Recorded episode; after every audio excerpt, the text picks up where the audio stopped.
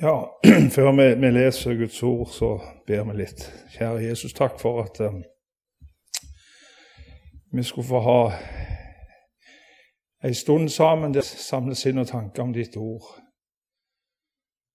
Og jeg må minne meg sjøl på at vi setter oss til bords hver eneste dag, morgen, middags og kvelds, for kroppen. Men uh, mennesket lever ikke bare av brød alene, men av hvert ord som går ut av din munn. Vi trenger å komme sammen, vi trenger å høre ditt ord. Vi trenger mat på veien. Og så må du velsigne dette ordet som vi har tenkt å si. Vi ber om det vi trenger både for å høre og til det å formidle ditt ord. Amen. Før eh, vi leser teksten eh, For de som var sist, så vet du at vi snakket om Josef. Og det har jeg tenkt å, at vi skal gjøre de gangene jeg kommer her og har bibeltimer. Eh, jeg har sagt, og jeg mener det òg, at eh, Josef er underkommunisert i, i, i bedehussammenheng. Det var liksom noe som hørte søndagsskolen til. Men det er mye mer enn det, hvis du forstår hva jeg mener med det. Eh, et, et ord til innledning. Hebreerne 12 der står det så la oss derfor, da vi har ei så stor sky av vitner omkring oss, legge av alt som tynger, og synden som henger så fast ved oss, og løpe med tålmodighet i den kampen vi har foran oss, med blikket festet på Jesus. Han som er troens opphavsmann og fullender, for å oppnå den gleden som ventet ham, led han tålmodig i korset, uten å akte vanæren, og har nå satt seg på høyre side av Guds trone.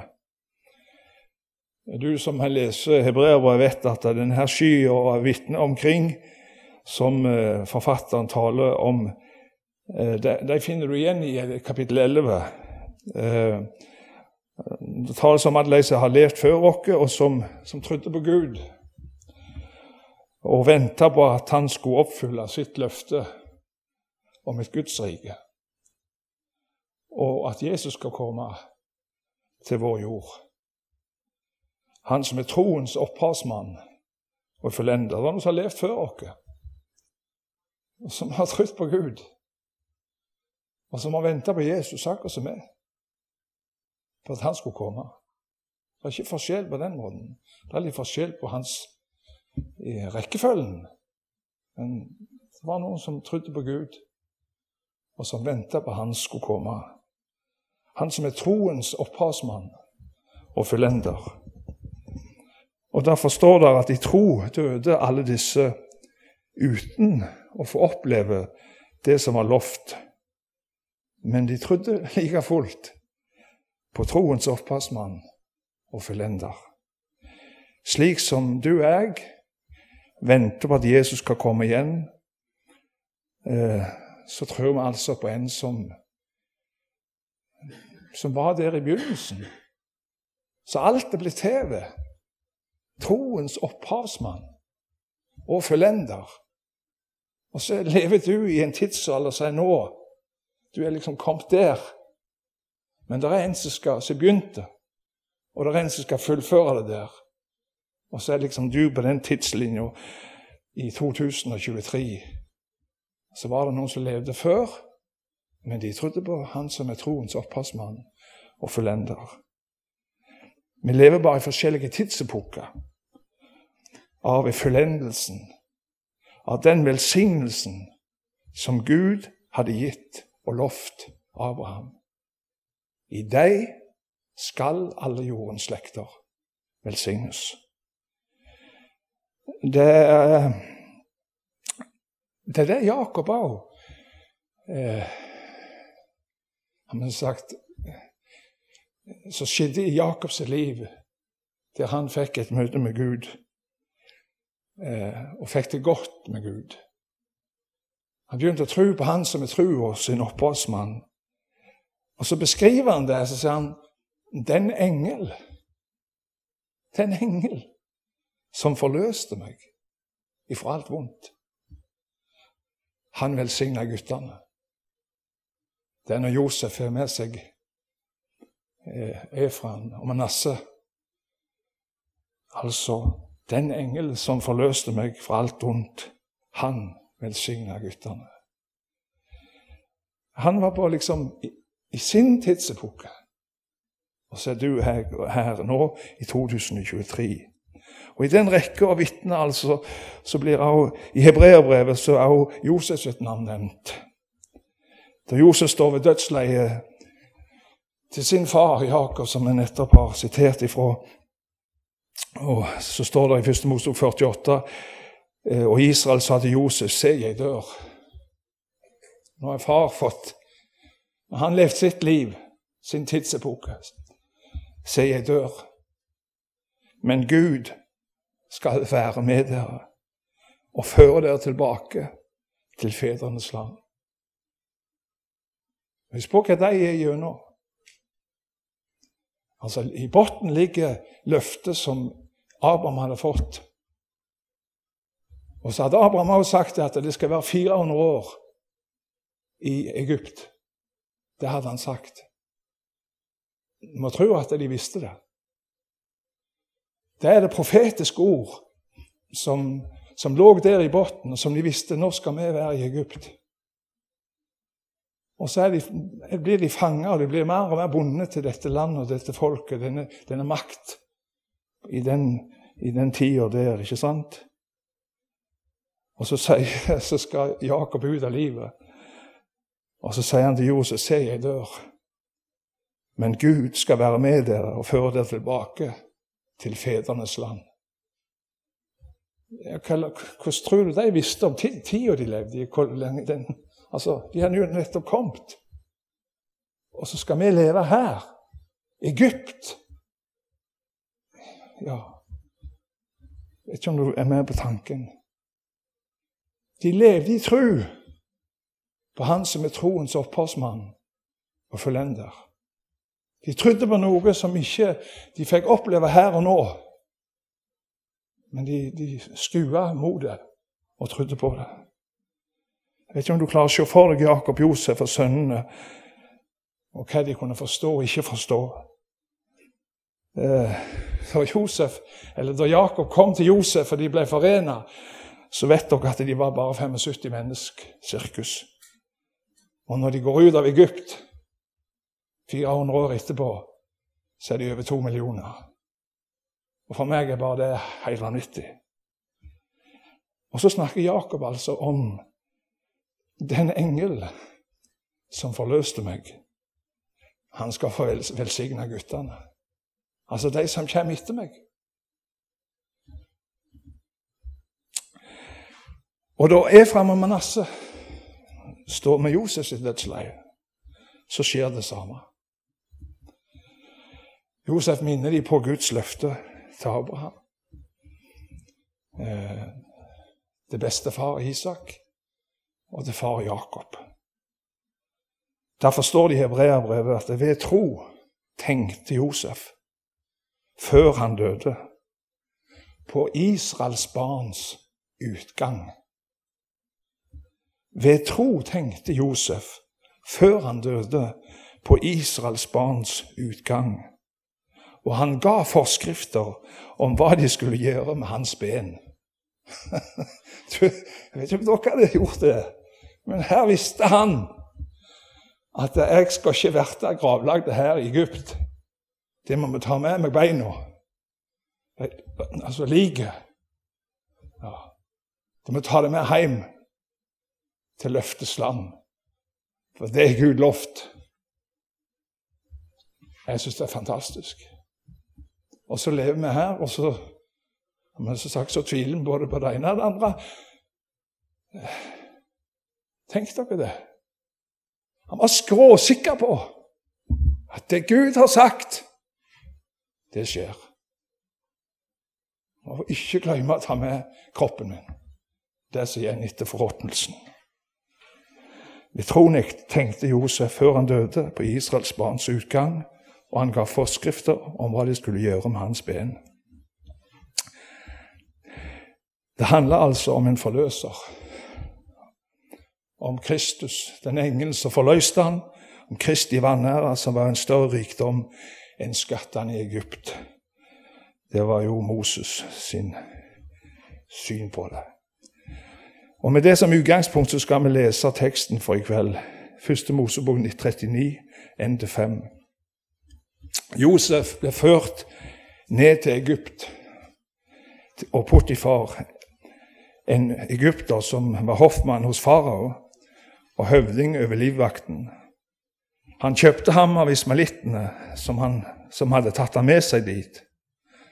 Og Herren var med Josef, så alt lyktes for ham. Han ble i huset hos sin egyptiske herre.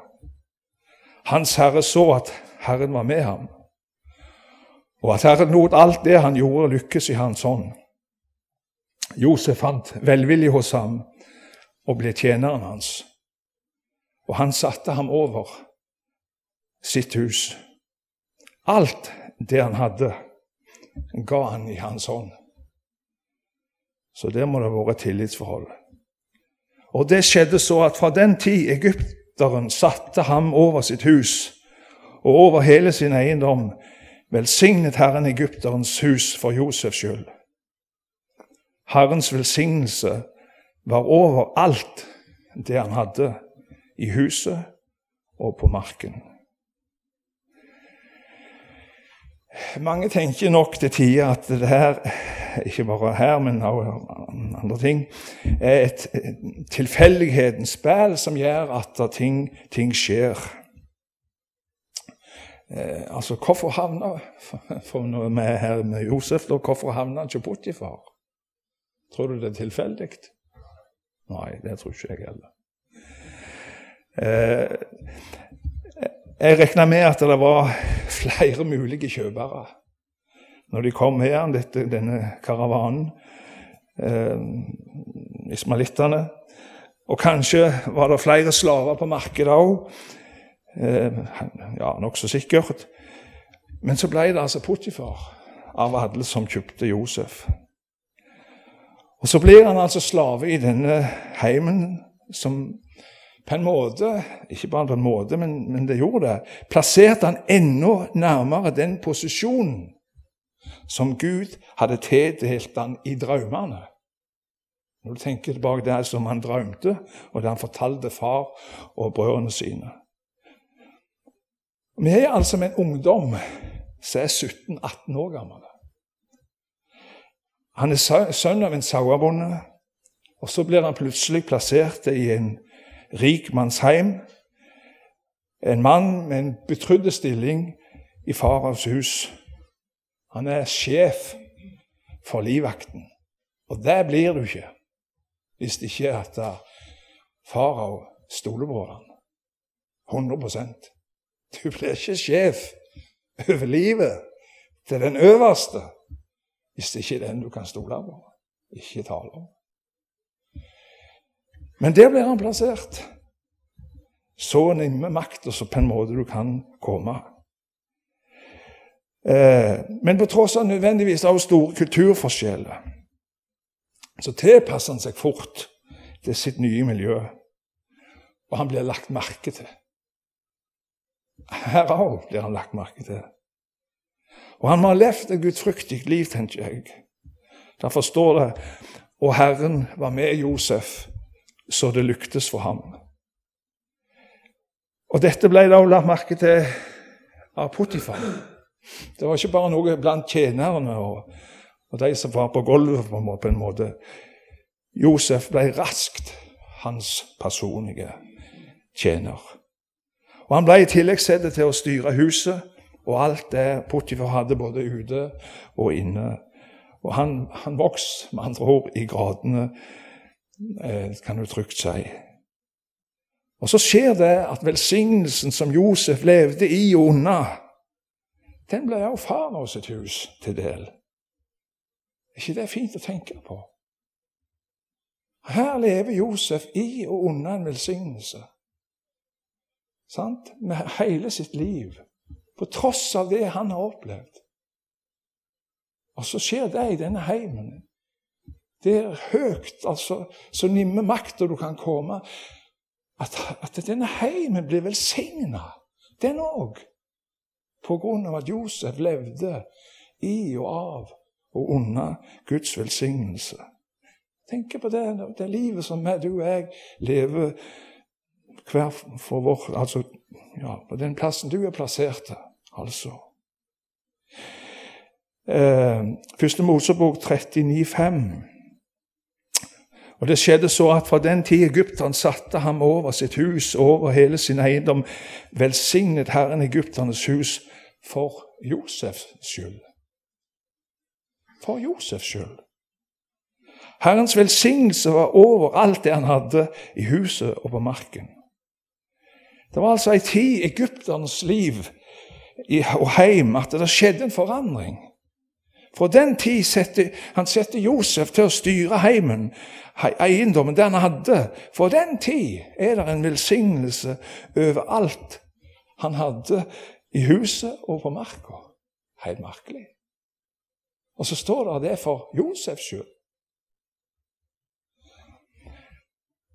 For å bruke det i en overført betydning. Det skjer òg en radikal forandring i hvert eneste sitt menneske som tar imot Jesus. Og la han få styre i livet. For den stund får du del i all åndelig velsignelse i himmelen i Kristus.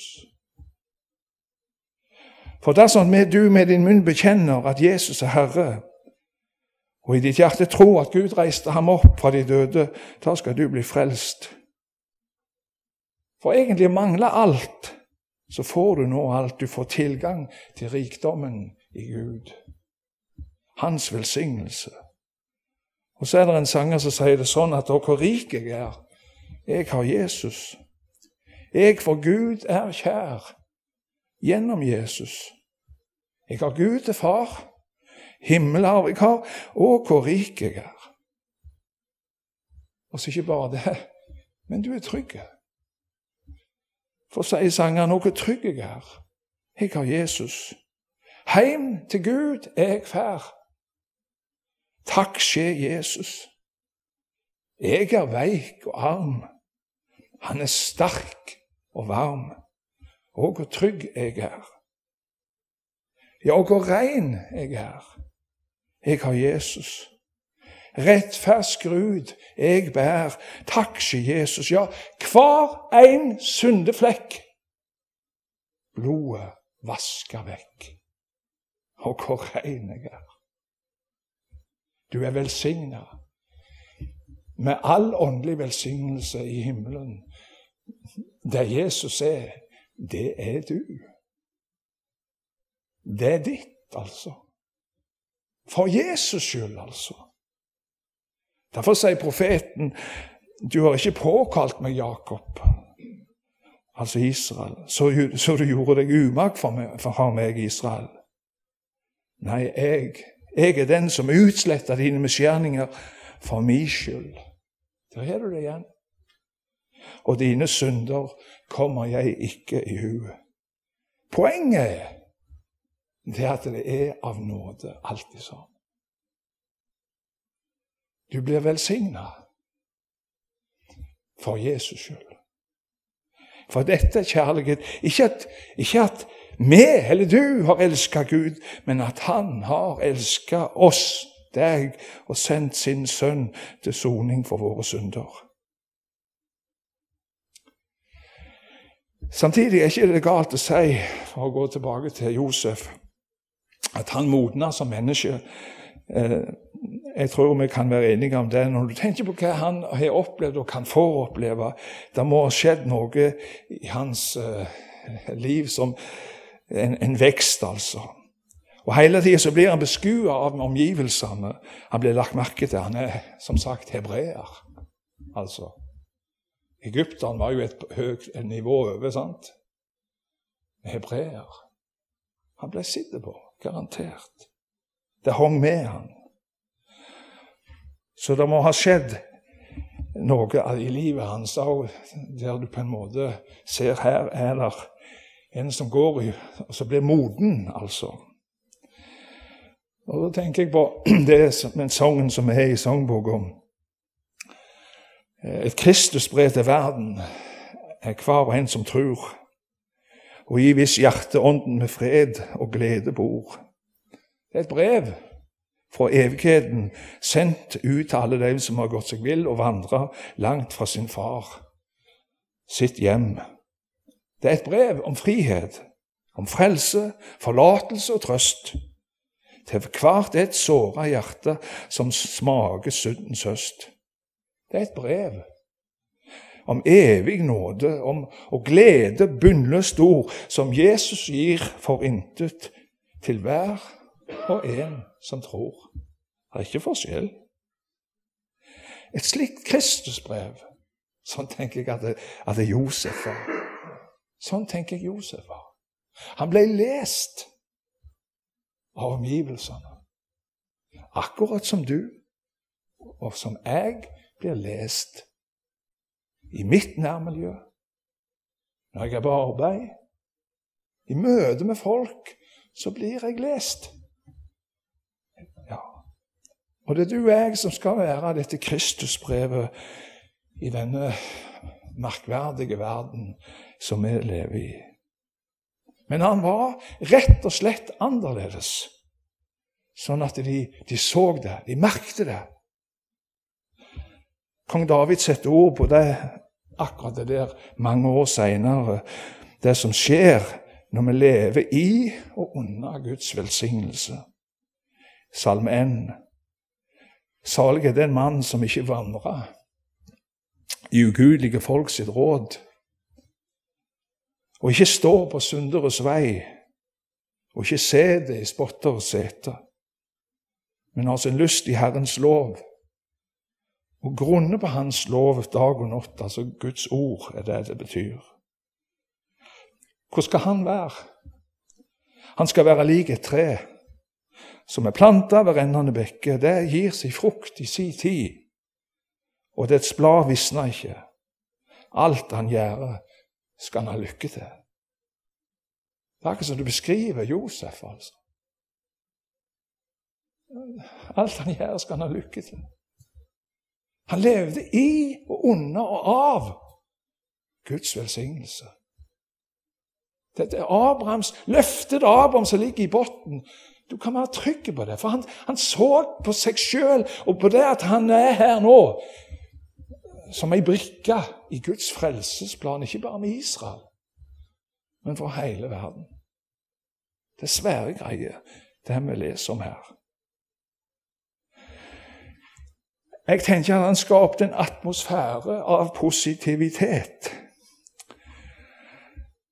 Av lite kjefting. Er dere enige? Hvorfor tror du det var mye kjefting? Nei, jeg tror ikke det, altså. Lite kjefting og smelling, innbiller jeg meg. Han fikk med andre ord tjenerne til å dra same, i samme retning. Sant? Jeg snakker med en nå som er på en arbeidsplass. Og han har det ikke greit, altså.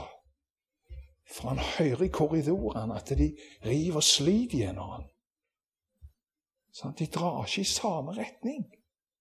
Det er krangling, smelling. Ja, dette var på en arbeidsplass. Vi bor i små og store samfunn, har vi så sagt. Vi har en heim. Vi går på arbeid. Vi er på et bedehus. Ja, hva skaper du i din omkrets? Er det en atmosfære av positivitet? Altså Der du er smitta av Guds ord. Du er som dette treet som er planta der med de rennende bekker. Og så, så, blir du Du blir så prega altså. Ikke sikkert du merker det sjøl, men de andre merker det. Du er god å være i hop med. Han var vennlig mot alle og i stand til å lære andre, som det står i 1. Timoteus 2,24. Jeg tenkte iallfall det. Det er liksom vitnesbyrdet som Det oser av det vitnesbyrdet når Bibelen beskriver Josef. Omgivelsene ble velsigna av ham. Jeg tenker han var vennlig mot alle og i stand til å lære andre, som det står i 1. time 2,24. Så for meg er det altså som det var ei usynlig kraft som bar han gjennom dagene, som han sua fram av Guds ord og den, de løftene som Gud hadde gitt Abraham. Han bar på en indre trygghet og ro, og det er på tross på at det var en ytre forhold skulle til seg noe annet. Han var blitt solgt som en vare, en slave, svikta sine egne brød. Likevel så levde han i heimen til Portifar med en ballast og et fundament for livet som sprengte tid og sted. En ting er sikkert, iallfall for meg, som vi var enige om det, det begynner med òg. Han havna ikke hos Portifar av en tilfeldighet. I Ordspråkene 21 så står det at kongens hjerter er som, hjerte er som bekker i Herrens hånd. Han bøyer det dit han vil. Slik tenker jeg at Potifar, eh, som Gud altså tok tak i ham og bøyde det der han ville, og fikk han på markedet og fikk han til å kjøpe Josef. Og Gud hadde en plan, for Gud hadde en plan med denne unge mannen. Og så tenker jeg på oss som lever nå, på deg som hører Jesus til. Hvem er jeg? Jeg, jeg er ikke noe Josef. Jeg, jo, du er det. Det er ikke tilfeldig at du er der du er. Du er så viktig. Gud har virkelig en plan med ditt liv. Du er en menneskefisker. Du er en menneskefisker. Og jeg vokste opp med sjøen. Og det er ikke noen som får fisk hvis de ikke løser båten og lar komme seg ut. Hiver ut redskapen, ikke sant? sant? Du er en menneskefisker. Gud har en plan med ditt liv. Du er en Josef der du bor, der du er på arbeid der du studerer i din heim. Du er en Josef. I Salme 139 så beskriver salmisten det, så sier han da jeg var bare var et foster, så så dine øyne meg. I de bok ble de alle oppskrevet, de dagene som ble fastsatt, da ikke en av dem var kommet. Så detaljert kjenner han noe. Ja, til og med hvert hår på hodet har han talt. Frykt ikke. Du og dere er mer enn mange sporver. Sant? Du er så viktig. Gud har virkelig en plan med ditt liv. Du er ikke blitt til av en tilfeldighet. Og slik Bibelen ser det, så er dagene våre oppskrevne i Guds bok. Og forstå det, det kan jeg ikke, men det er godt å tenke på at det finnes en større plan. med til med Inge Svirvåg som bor på Ognan og født i 1925, 22. desember, hvis du vil huske på meg. Så har Gud en plan med meg òg. Ja, sant? Så er det ganger at jeg er virkelig oh, mismodig, rett og slett. Ja, jeg er det. Og så er Gud Så kan han bruke meg òg, tenker jeg. Og så kan han bruke deg der du er. Um, og som det var for Josef, sånn er det for oss som tror på Jesus. Med, med en stor frelsesplan. Det er for å berge liv at du og jeg egentlig er der vi er. Josef i Egypt.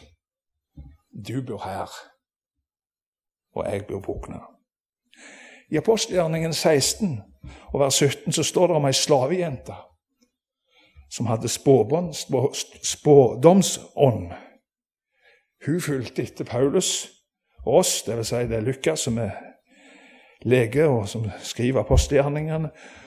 Hun sprang etter dem og ropte disse mennesker, disse mennesker er den høyeste Guds tjenere. Tenk deg det var litt av et vitnesbyrd. Så må de vel springe etter meg. Hvis det var noen som kunne si, si det Men det sa de om Paulus og de andre som var med han. Disse mennesker er den høyeste Guds tjenere som forkynner dere frelsens vei. Vi er altså de høyeste Guds tjenere, ikke se lite på det, som skal forkynne frelsens vei til våre omgivelser. Jo, Josef var slave hos Potifar. Han gjorde sitt arbeid med omhu og flid. Men han var likevel fri om han var trell, fordi han var i Guds frelserhånd. Derfor står det i 1. Korinteren 7,22 at for den som var trell da Herren kalte ham, han er Herrens frigitte. Likeens er den frie som ble kalt, blitt Kristi trell. Romerne 6, 18. Og når dere nå er frigjort fra synden, er dere blitt tjenere for rettferdigheten. Det er ikke småtteri, altså. Når dere er frigjort fra synden, er dere blitt tjenere for rettferdigheten. Det er det du er. Den rettferdigheten som Gud har åpenbart uten loven, men ved troa på Jesus. For vi vet at vårt gamle menneske det ble korsfesta med han for at syndelegemet skulle bli tilintetgjort. Som ikke lenger skal være slave under synda. Du er Herrens frigitte. Du er fri. Josef var bokstavelig talt slave. Likevel så var han Herrens frigitte. Han var den høyeste Guds tjener, en kristig trell, en tjener for rettferdigheten av tro, slik som Abraham, Isak og Jakob før hadde levd. Derfor, om noen er i Kristus, da er han en ny skapning. Det gamle forbi, se alt er blitt nytt. Men alt dette er Gud, han som forlikte oss med seg selv ved Kristus og ga oss forlikelsen tjeneste. Får du se på deg sjøl på det? At det er egentlig der du er. Sett det her. Du er, du er plassert det her i forlikelsens tjeneste. Ikke sant? Hvem du enn er, hva du har som yrkeposisjon i samfunnet. Du er her i forlikelsens tjeneste. Og så må vi snakke om på slutten her om et annet forhold som kanskje det gjerne blir talt lite om. Vi var innom det for så vidt, men vi skal litt mer. Med Josef levde annerledes, og vi kan trygt si at han bar frukt. Til og med en hedenske heim ble velsignet av hans liv og tjeneste. Og Josef står som et lysende forbilde, tenker jeg, for alle truende til enhver tid. Derfor står det i Romerne 6 at nå, når dere er frigjort fra synden så, og er blitt tjenere for Gud, har dere helliggjørelse som frukt. Ja. Nå når dere er blitt frigjorte, altså, så har dere altså blitt, blitt frigjort fra synden og har blitt tjenere for Gud, har dere helliggjørelse som frukt. Og til slutt et evig liv. Frukten av å være frigjort fra synden og leve i forlikelsens tjeneste er helliggjørelse. Det er helliggjørelse. Et tre uten frukt, hva gjør vi med det? Ja, det vil jeg si at hvis jeg, jeg elsker frukttrær, altså. Syns det er helt fantastisk. Og jeg har det så kjekt altså, med, med, med frukttre nå. Men hvis det ikke bærer frukt, det er bare lage det, så Få det vekk. Ikke vits i å ha det. Nei. Så at et, et tre tenker man, det, skal jo bære frukt. Ja. Og Sånn er det altså. Den som er frigjort fra synden og blitt tjener for Gud, har helliggjørelse som frukt. Frukten av å være frigjort fra synden er å leve i forlikelsens tjene, er altså er altså helliggjørelse, som betyr å bli mer og mer lik Jesus i tankesett og handling. Og jeg vil også tilføye, tilføye mer og mer glade i Jesus. I Galaterne 5,22 så står det om helliggjørens frukter, eller, eller som det står her, åndens frukt. Det er kjærlighet. Det er glede. Det er fred. Det er langmodighet. Langmodighet. Er frukt. Det er mildhet. Og det er godhet. Og her er det. Det er faktisk trofasthet. Både i, i tjenesten og i, i forhold til andre mennesker. Trofasthet. Det er ydmykhet. Ydmykhet. Det er avholdenhet. Ja, mot slike er loven ikke. Hva betyr det? Hvorfor ikke loven mot slike? Jo, fordi jeg er gjenfødt og jeg er Kristus Jesus, er Kristus Jesus mitt liv, så er det ingen fordømmelse. Lovens krav er blitt oppfylt i meg, i meg og for meg. Frukten av et sånt Kristusliv vil være kjærlighet, glede osv. Derfor sier sangeren helt til slutt Bli i meg.